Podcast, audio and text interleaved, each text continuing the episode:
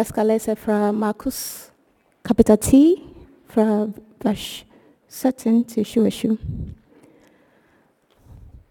Da Jesus skulle dra videre, kom en mann løpende, falt på kne på ham og spurte. Gode mester, hva skal jeg gjøre for å arve evig liv? Men Jesus sa til ham, hvorfor kaller du meg god? Ingen er god uten en, det er Gud.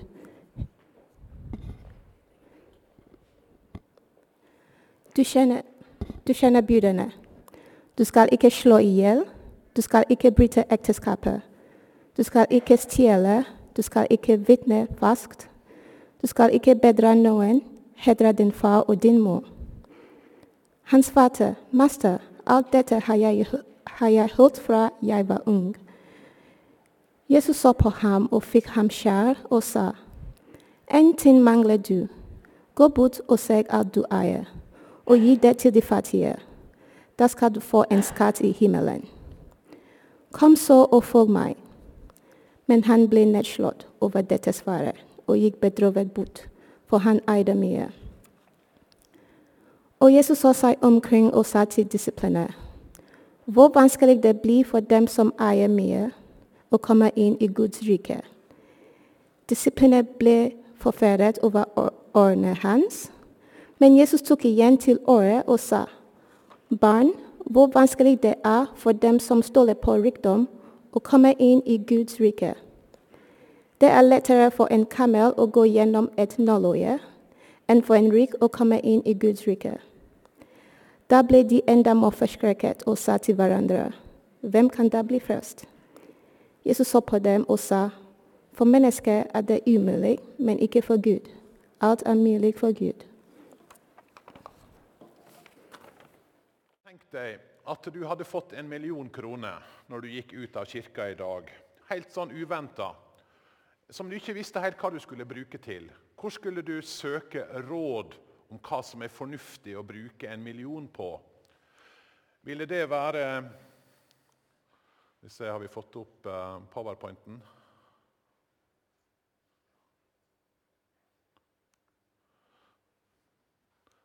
Ja. Ville det være kapital, dine penger? De gir jo råd om akkurat dette her. Hvordan skal du forvalte? Hvordan skal du investere for å få mest mulig igjen? Eller hadde du gått til Bibelen for å søke råd? Hvis du hadde spurt folk på gata i Trondheim, så er jeg nokså sikker på at de fleste hadde ledd av spørsmålet. Liksom, I alle dager. Bibelen eller kapitalforvaltere? Det er jo klart at alle må jo søke de rådene om hvordan vi skal forvalte og bruke pengene hos kapital, dine penger, de som kan dette her. Bibelen er jo ei gammel bok som ikke er så aktuell for livet i 2019.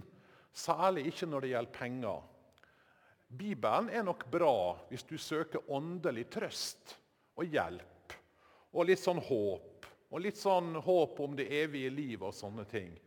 Men når det gjelder det virkelige livet her, ja, så er den uaktuell.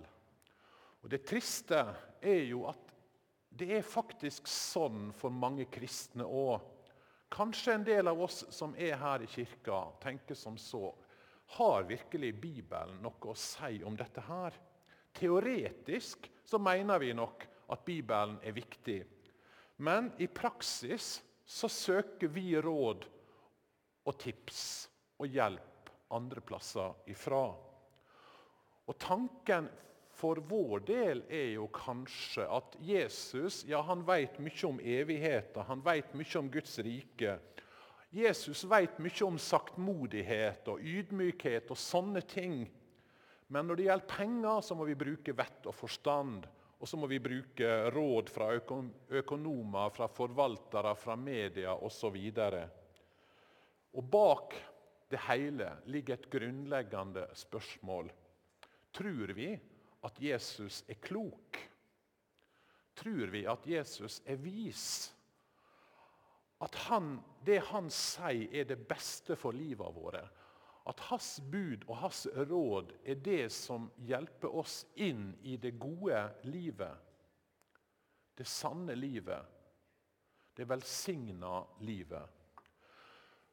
Og jeg tenker, Hvis Jesus virkelig er Gud, som har skapt alt, som har skapt rikdommen, som har skapt diamanter og gull og alt som fins Hvis han også er uendelig klok og vis og vil oss det beste, hvorfor gjør vi da ikke sånn som han sier på dette området, som har med penger å gjøre? La oss ta med oss det spørsmålet inn i dette temaet. Hvis det er sånn, han har skapt alt, han veit hva som er det beste, han er klok, og han vil oss det beste, hvorfor skulle vi da ikke høre på han? I praksis er det nemlig vanskelig. Det er en historie om fader Oshea, en landsbyprest som talte en søndag om veldedighet. Og Han sa det at problemet er jo sier han, at noen i denne verden har for mye, og andre har for lite. Så vi må gi vekk av det vi har, av vårt verdslige gods, til de som ikke har. Og Så ser han utover forsamlinga så ser han Paddy nede i salen og så sier han, Paddy, hvis du hadde fått en million, hadde ikke du gitt vekk halvparten til de fattige? Og Paddy nikker og sier, 'Jo, fader, det hadde jeg gjort.' Ja, og Så fortsetter han fordi han har fått liksom eh, litt fart på dette. her, Så sier han, 'Ja, Paddy, og hvis du hadde to hester, hadde ikke du gitt vekk en av dem til de som trengte det?' 'Nei', sier Paddy. Og, og fader Roshea sier, 'Ja, men hvorfor ikke?' Så sier Paddy, 'Nei, for jeg har jo to hester.' Ikke sant? Det er lett å tenke 'ja da, jeg skal være raus, jeg skal gi'. Men i praksis det er når vi har penger, det blir vanskelig. Da skal vi i alle fall når vi har dette temaet, vite at Jesus snakker mye om penger. Det Jesus snakka mest om, det var Guds rike. Det Jesus snakka nest mest om, var penger og eiendom. Det er det temaet som Jesus altså fokuserer mest på, bortsett fra Guds rike. Og Det han sier, er radikalt. Olav Farestveit han hadde hovedansvaret for den nynorske omsetninga av Nytestamentet som kom i 1975 og i 78. Og han ble i et intervju spurt hva i Jesu forkynnelse gjorde sterkest inntrykk på deg. Da hadde han sittet med Nytestamentet og oversatt og lest og lest. og lest, oversatt dette her. Og Så spurte de hva gjør mest inntrykk, og så svarte han hvor sterkt og hvor ofte Jesus advarte mot pengene sin makt. Jesus er mer radikal enn vi kanskje liker og tror. Og Vi snakka om det på stabsmøtet, vi som var der på fredag. Kristin og Hans Christian og Ingebrigt og jeg, om at det faktisk er sånn at det er litt sånn lettere å snakke om ting som vi på en måte føler vi har kontroll på sjøl. Bibelens budskap der vi sjøl ikke har problem. Men det er vanskeligere å være tydelig og klar på de områdene som treffer våre egne liv. Og her treffer det jo oss. Det treffer meg. For da får jo jeg ei utfordring, og dere får ei utfordring. Hva gjør vi med det Jesus sier? Hva gjør vi med det? I dagens tekst så møtte vi en rik, ung mann. Vi tenker nok kanskje at han var ekstremt rik. Det var han nok ikke. Han var sikkert omtrent en velstand, omtrent sånn som oss. Og så ville han ha det evige livet. Og når Jesus konfronterer han, og så sier han han ser på ham, og så får han ham kjær, og så sier han én ting mangler deg. Gå bort og selg alt du eier, og gi det til de fattige. Da skal du få en skatt i himmelen. Kom så og følg meg. Ja, da ble denne rike unge mannen nedslått, står det. Det var ikke det han hadde venta. Han ble nedslått over dette svaret og gikk bedrøvet bort, for han eide mye. Og Av og til så tenker jeg hvis det hadde vært meg, dette her, så hadde jeg nok sprunget etter denne rike unge mannen og sagt hør, eh, Jesus mente det jo selvsagt ikke bokstavelig. Han mente jo at du må bli fri fra pengene sin makt, men han mente det jo ikke liksom sånn selg alt. Eh, Jesus er jo god og snill, så du kan jo beholde i alle fall en god del av det du har. Og så kan du gi bort litt, så blir han sikkert fornøyd. Det hadde nok vært vår måte å sprang etter denne rike, unge mannen på. Og så står det at Jesus lot han gå. Jesus lot han gå. Og jeg tenker Det er nok fordi Jesus ser noe som vi ikke ser. Han ser noe som var djupere enn akkurat bare disse pengene. Han ser til hjertet. Og han så at hos denne rike unge mannen så var pengene blitt hans avgud. Det handler om noe djupere enn akkurat det å gi bort.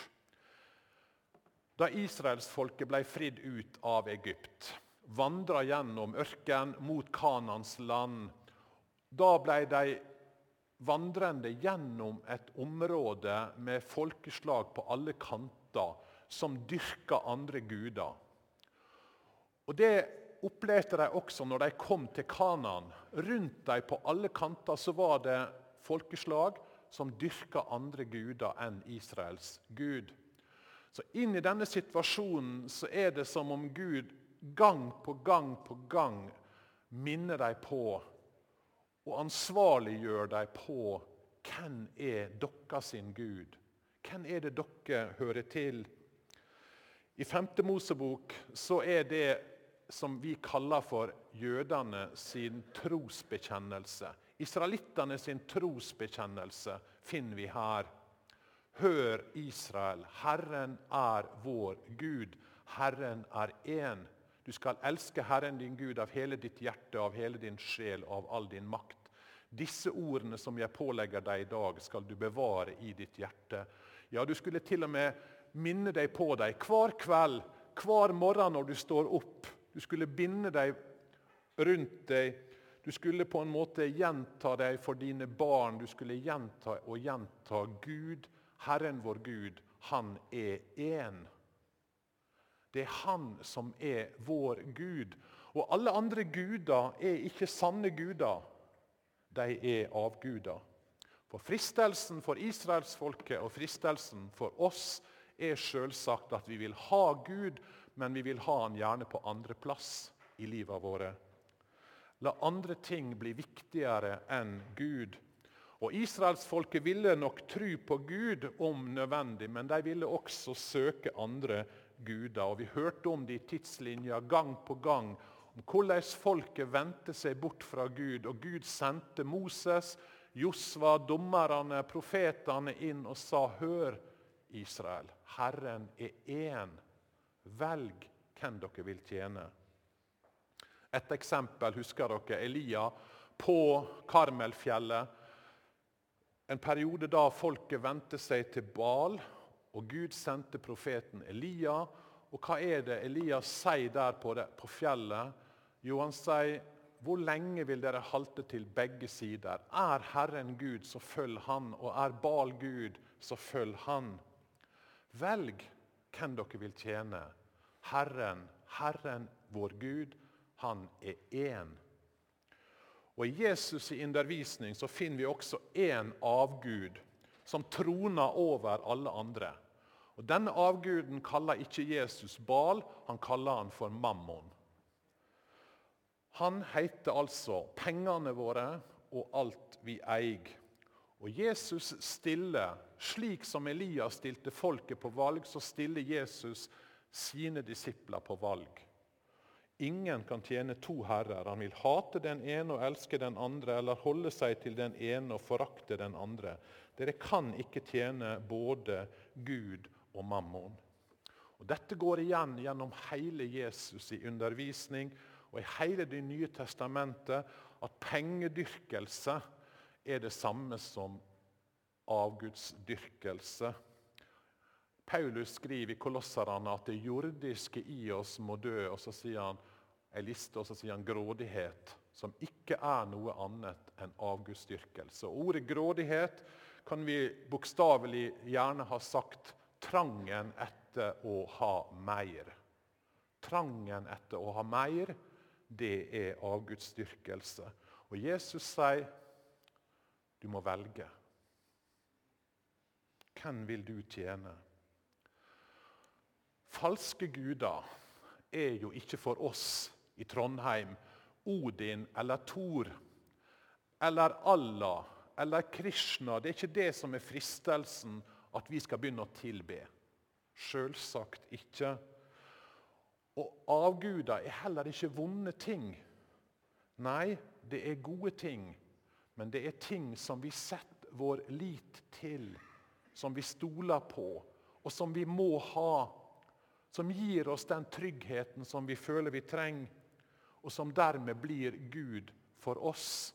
Og Det er ikke bare penger. Det kan være kjærlighet, det kan være sex, det kan være makt, det kan være suksess. Men det er altså ikke vonde ting i seg sjøl. Og Jesus sier aldri at rikdom eller penger eller gull i og for seg er vonde ting. Nei, men de blir det når de blir det viktigste for oss. Når de får makt over oss, når vi tyr til dem for trøst, for trygghet, for mening. Da blir det ødeleggende. Og Vi har sett nok av eksempel på det i media. Og Av og til så kjenner vi det i vårt eget hjerte. For Jesus han sa det sånn at der skatten din er, der vil også hjertet ditt være. Pengene avslører hva som er viktigst for oss. Og Penger gir oss jo en slags falsk trygghet. At vi er noe, eller at vi betyr noe, eller at vi er trygge eller at vi er verdifulle. Se hvor mye jeg har. Nå kan jeg slå meg til ro og spise og drikke og være glad, som han sa den rike bonden. Se hvor mye jeg tjener. Jeg har virkelig status. Filosofen Friedrich Nietzsche han spådde at Gud kom til å forsvinne fra samfunnet. Og Så sier han at det som mennesker tidligere gjorde for Guds skyld, vil de nå gjøre for pengenes skyld, for å oppnå en slags følelse av makt, trygghet og tilfredshet. Vi trenger nemlig dette, sier Nietzsche. Tilfredshet, trygghet, makt.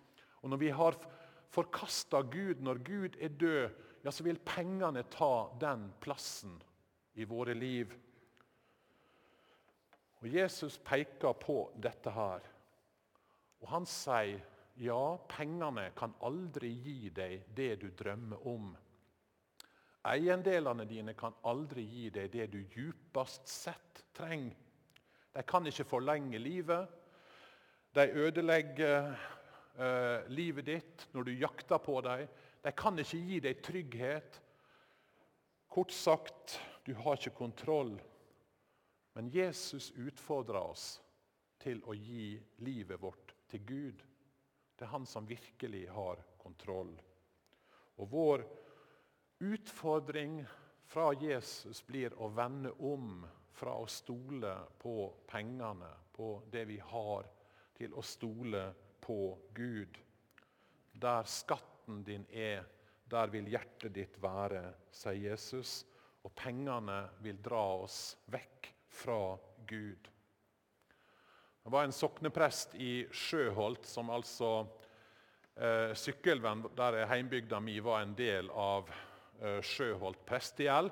Så det var rett i nærheten. Og denne Soknepresten på Sjøholt han ble en gang spurt om folket der inne trodde på Gud. Og Da svarte han 'tru på Gud', sier han. De har jo Ørskog Sparebank. Og Det er litt av det som på en måte er utfordringa vår. Vi har så mye. Blir det det som vi setter vår lit til? Eller kan Jesus få sette oss i frihet? For Jesus ser på denne unge mannen, denne rike unge mannen, og så står det at han fikk han kjær. Og Det er noe av nøkkelen i denne teksten. Det er et avgjørende budskap å få med seg at Jesus fikk han kjær. Jesus er altså kommet for at vi skal ha liv og overflod av liv. Og Han så at i denne unge mannen sitt hjerte var det en avgud som hadde tatt Guds plass. Til tross for at han levde et tilsynelatende moralsk liv, ja, så var det djupest sett mammon som var hans Gud. Og hva er det Jesus vil han vil sette han i frihet. Han vil sette han i frihet. Vi tenker fort at Oi, det var da veldig. Selg alt du eier. Wow. Jesus er han kommet for å ødelegge livet våre. For å ta fra oss alt vi har. Ta fra oss alle våre gleder. Ta fra oss alt vi på en måte tenker dette er jo vårt. Du må gi fra deg alt, men du skal få belønning i himmelen. Er det det Jesus sier? Men det er ikke det han sier, og det er ikke det han mener. Han sier tvert imot. Jeg vil sette deg i frihet. Jeg vil gjøre deg virkelig rik. Og Når vi leser Jesu ord om penger, ja, om et annerledes liv, om et opp-ned-liv i Guds rike, ja, så virker det som om Jesus sier det ligger en enorm befrielse i å leve etter hans ord. Det ligger en enorm frihet i det å følge han. Ta mitt åk på, på dere, sier han, og lær av meg, for mitt åk er godt og min byrde lett. Når en jøde hørte ordet åk, så tenkte han med en gang på Moselova. Fordi at det var det som de så på når de hørte ordet åk. Så de som hørte Jesus, må ha oppfatta han som å si omtrent dette at de buda han lærer oss, Guds rikets livslover, bergpreika sine ord, ja, de er gode og lette, for de er befriende. Og Gjennom hele Jesu undervisning, også på dette området, så strømmer der en strøm av befrielsens glede. Befrielsen fra denne verden sine bekymringer, kav, jag etter mer. Et jag som bare blir større og større jo mer vi har. VG intervjua Norges rikeste, eller en av Norges rikeste menn. og Han sa i dette intervjuet jeg har levd på kanten av stupet hele mitt liv. Jesus sier jeg har kommet for å gi dere frihet. Jeg har kommet for å sette dere i frihet. Fordi falske guder gir oss ikke det vi drømmer om. Vi tror de skal tilfredsstille oss, men de fanger oss og skuffer oss. Milliardæren John D. Rockefeller han var da verdens rikeste mann. Han ble en gang spurt hva mye mer penger trenger en mann før han føler han har nok. Og John D. Rockefeller svarte bare litt til. Bare litt til. Sam Walton, som starta Walmart, han var en, en suksessfull businessmann. Kona hans sa en dag til han, jeg sa, 'Sam, vi tjener nok. Hvorfor stresser du? Hvorfor skal du ekspandere så mye?' Butikkene blir lengre og lengre unna. Etter den 17. butikken innså jeg at det aldri ble noen stopp. Falske guder, de fanger oss. De lover oss gullglim og glans, og så gjør de oss til slaver. Og Jesus sier, 'Jeg kommet for å sette dere i frihet'. Denne unge mannen var svært rik, og han gikk bedrøvet bort. Jesus sier, 'Jeg vil gi deg en skatt, en himmelrikets skatt.' Og Denne rike unge mannen ville heller ha sine jordiske skatter. Og Jesus snur altså opp ned på veldig mange av våre tanker. Og han sier det dere eier, det er egentlig ikke dere. Vi tenker pengene er mine. Jeg har strevd for dem, jeg har jobba hardt, jeg har slitt. Og Gud sier alt du eier, hører meg til. Og Du er bare satt til å være en forvalter. Og Gud kaller oss først og fremst til det, å være gode forvaltere av det Han har gitt oss. Ei dame som ga vekk ei formue, hun sa det slik Hver gang jeg blir forvirret over penger og hva jeg skal gjøre med dem, så får jeg stor klarhet og perspektiv når jeg stopper opp og tenker på at det ikke er mine penger. Jeg ser på meg selv som en åndelig aspirant som har blitt betrodd en stor sum penger av Gud, og at min oppgave er å lære hvordan jeg forvalter disse pengene slik at det er bra for min egentlig, egen åndelige utvikling og tjener andre mennesker. Vi er åndelige aspiranter. Gud har betrodd oss. Så tenker du kanskje ja, ok, jeg gir tiende. Da må vel Gud være fornøyd. Eh, da er jeg fornøyd, og menigheten er fornøyd, og pastoren er fornøyd, og eh, Gud er sikkert fornøyd. Ja, eh, å gi tiende er begynnelsen til visdom, tror jeg. Det frir oss fra mammon sitt favntak. Det setter oss i frihet. Det å gi bort penger gjør noe med oss som er en viktig del av vårt åndelige liv. Men det betyr ikke at jeg da, selv om jeg gir tiende, kan tenke som så. Ja, de resterende 90 da, hmm, de, de er mitt, og det kan jeg gjøre med som jeg vil. Gud sier du er en forvalter. Du har ting til låns mens du lever her. Du skal en dag stå til ansvar, ikke bare for de 10% men du skal stå til ansvar for alt du eier. Hvordan bruker jeg det? Jesus kaller oss til et helt liv i etterfølgelse og forvaltning. Jeg håper du leser dette bibelheftet som vi deler ut gratis. Slipp å betale for det. ikke det gode nyheter? Kan ta med deg, Dette her er for mars, april, mai. For dette er hjelp til å få lese Bibelen. Ligger ute i gangen. På torsdag var det et tema om akkurat dette her. Og Det er veldig bra stykker som dere må få gjerne lese og ta med dere. Og Det handler nettopp om dette med overgivelse. Og la Jesus få styre. La Jesus få være Gud i livet våre. Jeg tror Når Jesus snakker om penger og når han snakker om andre ting, så kokte det ned til det. Hvem vil du tjene? Er det meg, eller er det mammon eller andre ting som blir viktig for deg? Å overgi livet til Gud betyr å la Han sitte i førersetet i livet ditt. Mange vil ha Jesus som passasjer, sånn at du kan få litt hjelp når du trenger det innimellom. Men Gud han inviterer oss til å overgi alt til Han.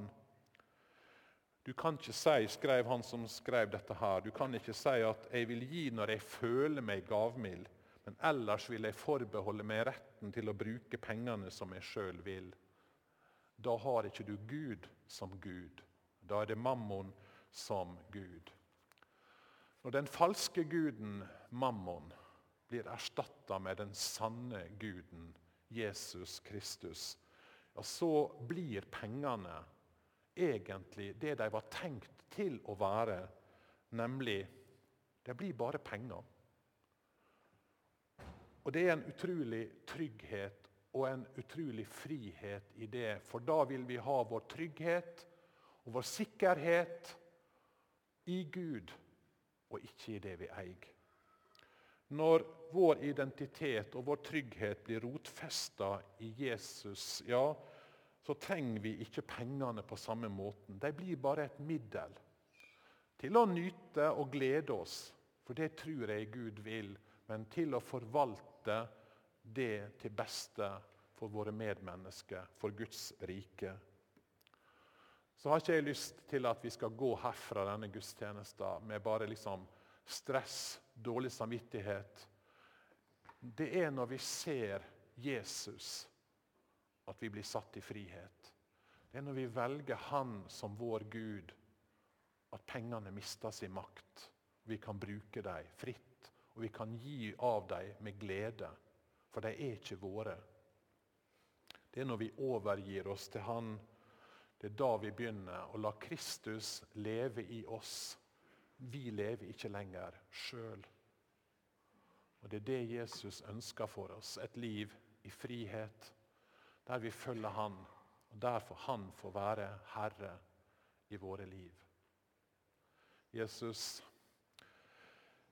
jeg bare ber om at du skal vise oss deg sjøl, du som var rik, men som ga avkall på alt for at vi skulle bli rike i deg. La oss få se det, Jesus, på en sånn måte at vi faller ned og tilber deg.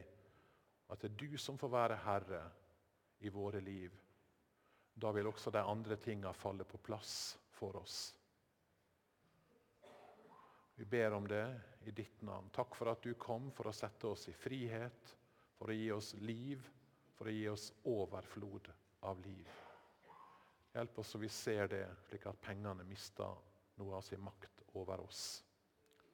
Amen.